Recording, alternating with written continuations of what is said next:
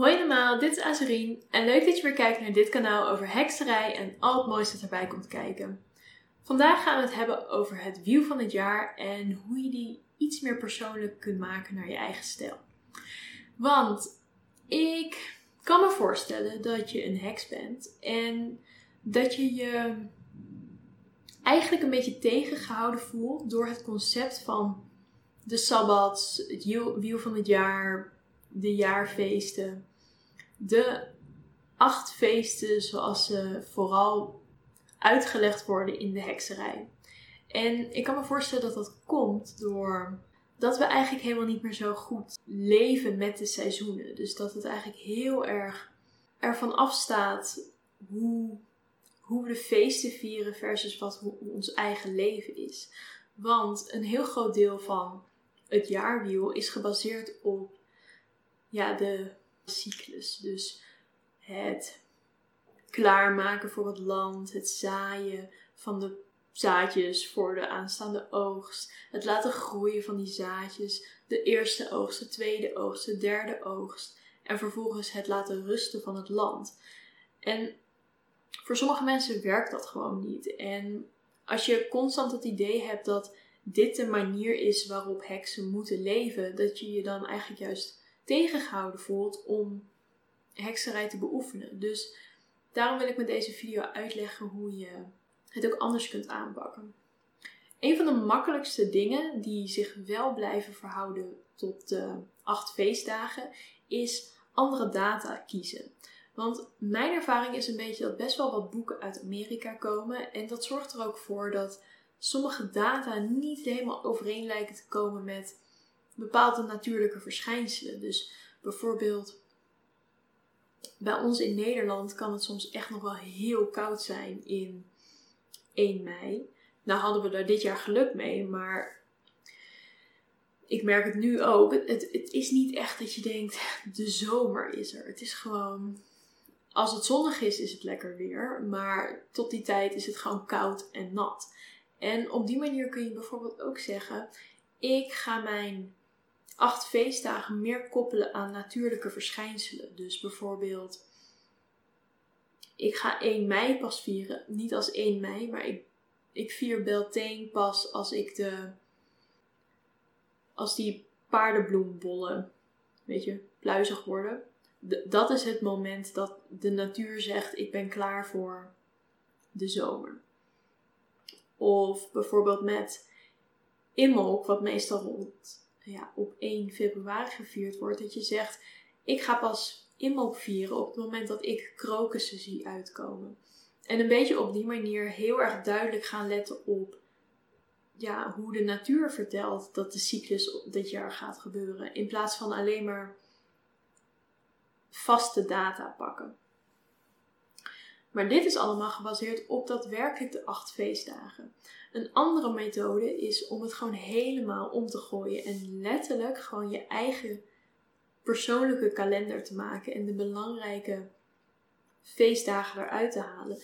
Een hele logische stap is als je eigenlijk uit een hele andere cultuur komt. Als je bijvoorbeeld uit een christelijke cultuur komt of islamitisch, joods, hindoeïstisch, ik zeg maar wat voorbeelden. Dat je in plaats van de feestdagen zoals ze vooral in Wicca worden aangegeven, dat je je eigen feestdagen waar je mee op bent gegroeid pakt. En een heel groot voordeel kan daarmee zijn dat je gewoon nog steeds met je eigen familie nog wel de feestdagen kunt vieren, maar dat je voor jezelf een klein persoonlijk ritueel doet. En het hoeft dus niet heel erg apart te zijn dat zijn namelijk de dingen waar ik heel erg tegenaan loop. Ik volg wel de acht feestdagen, dus de acht sabbats. Maar ik vier dus eigenlijk al wat andere mensen heel erg als Pasen herkennen, 21 maart. Ja, dat kan er soms voor zorgen dat je, als je je familie uitnodigt, zoals ik doe, dat opeens Pasen een, een maand eerder wordt gevierd en dat het helemaal in de war raakt. Maar je zou ook kunnen zeggen: ik ben een heks en ik vier gewoon Pasen zoals het volgens de christelijke kalender wordt vastgesteld dat Pasen wordt gevierd.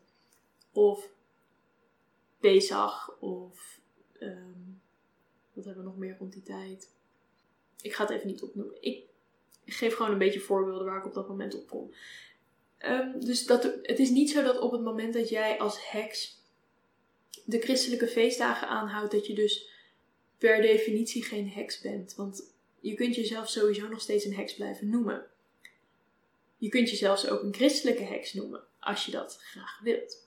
Maar dat is een beetje een ander verhaal waar ik echt nog wel een keer op in wil. Een ander voorbeeld is het helemaal niet meer over feestdagen te gaan hebben, maar je een aantal idolen pakt die jij heel belangrijk hebt gevonden. Een van dat soort popsterren is bijvoorbeeld David Bowie. Ik, ik weet dat er best wel wat mensen zijn die heel veel hebben gehaald uit zijn muziek. En het echt als een soort van, ja, bijna een persoonlijke god of legende gaan ervaren. En wat je dus zou kunnen doen is een aantal van dat soort popsterren pakken. En de verjaardagen viert. Eventueel de sterfdata. Of de eerste keer dat je naar een concert ging van diegene. En dit zijn allemaal gewoon maar voorbeelden. Maar ik weet dat hoe heksen met een, een goddelijke mindset, zoals ik. Weet je, ik, ik vier ook de, de cyclus van de goden. Maar als je niet gelooft in het goddelijke, betekent dat niet dat je bepaalde belangrijke figuren in je leven kunt erkennen en ook hun stilstaan bij de cycli waar zij doorheen gingen, als je begrijpt wat ik bedoel. Dus, nou, laten we het houden bij het voorbeeld van David Bowie. Ik weet niet wat de belangrijke data daarvoor zijn, maar dat je zijn leven pakt als een soort van leidraad voor jouw eigen jaarcyclus. Dus dat je bij zijn geboorte stilstaat bij geboorte of ja, nieuw begin. Dat je bij zijn eerste album stilstaat bij eerste potentie, eerste bloei. Dat je bij zijn sterfdag ingaat op het afsterven van aspecten in je eigen leven. En op die manier kun je een heel persoonlijk en heel, hele mooie jaarcyclus voor jezelf uitstippelen. En ik ben ook eigenlijk best wel benieuwd of er, of er heksen zijn. Ik weet dat er heksen zijn die het doen, maar ik ben benieuwd of je dat zou willen delen. Want ik vind het zelf een hele mooie inzicht.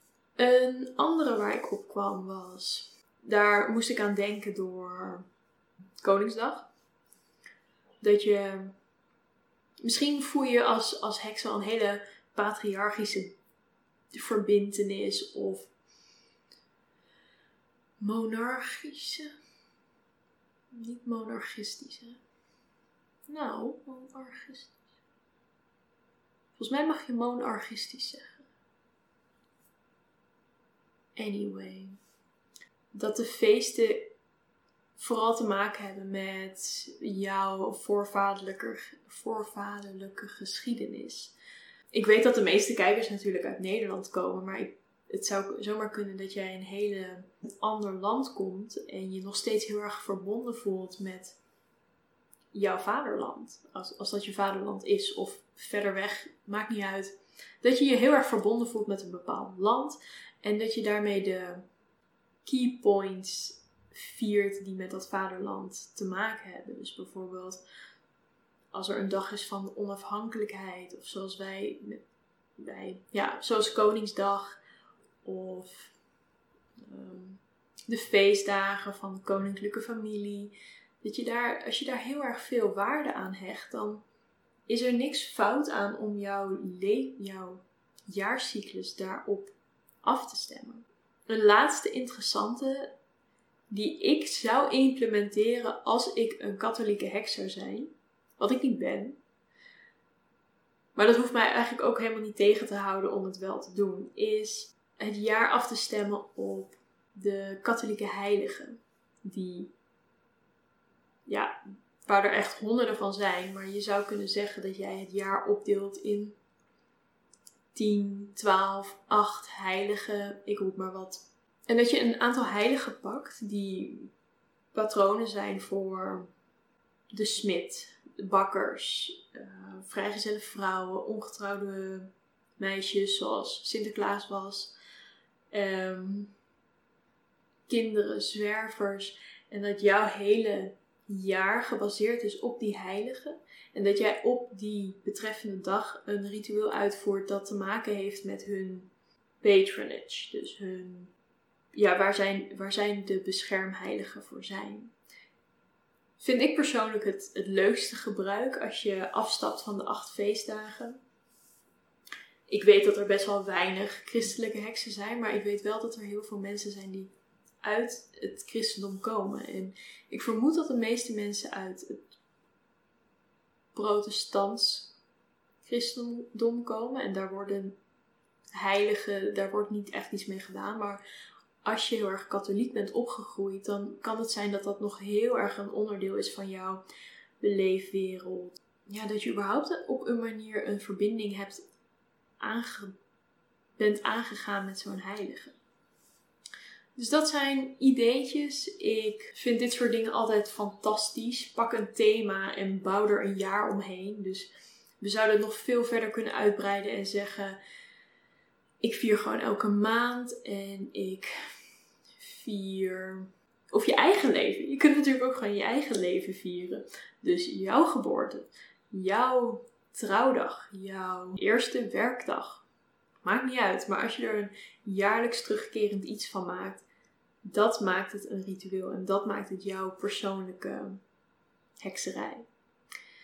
Dus ik ben super benieuwd of jullie je eigen versie van het jaarwiel maken en dat je je dus niet zo heel goed verbonden voelt met de acht sabbat zoals ze vaak door Wicca worden weergegeven. Want je moet niet vergeten, Wicca is, heeft die acht sabbats ook maar gebaseerd op hier en daar wat feestdagen gepakt en ze verdeelt over een ongeveer gelijke hoeveelheid dagen in het jaar.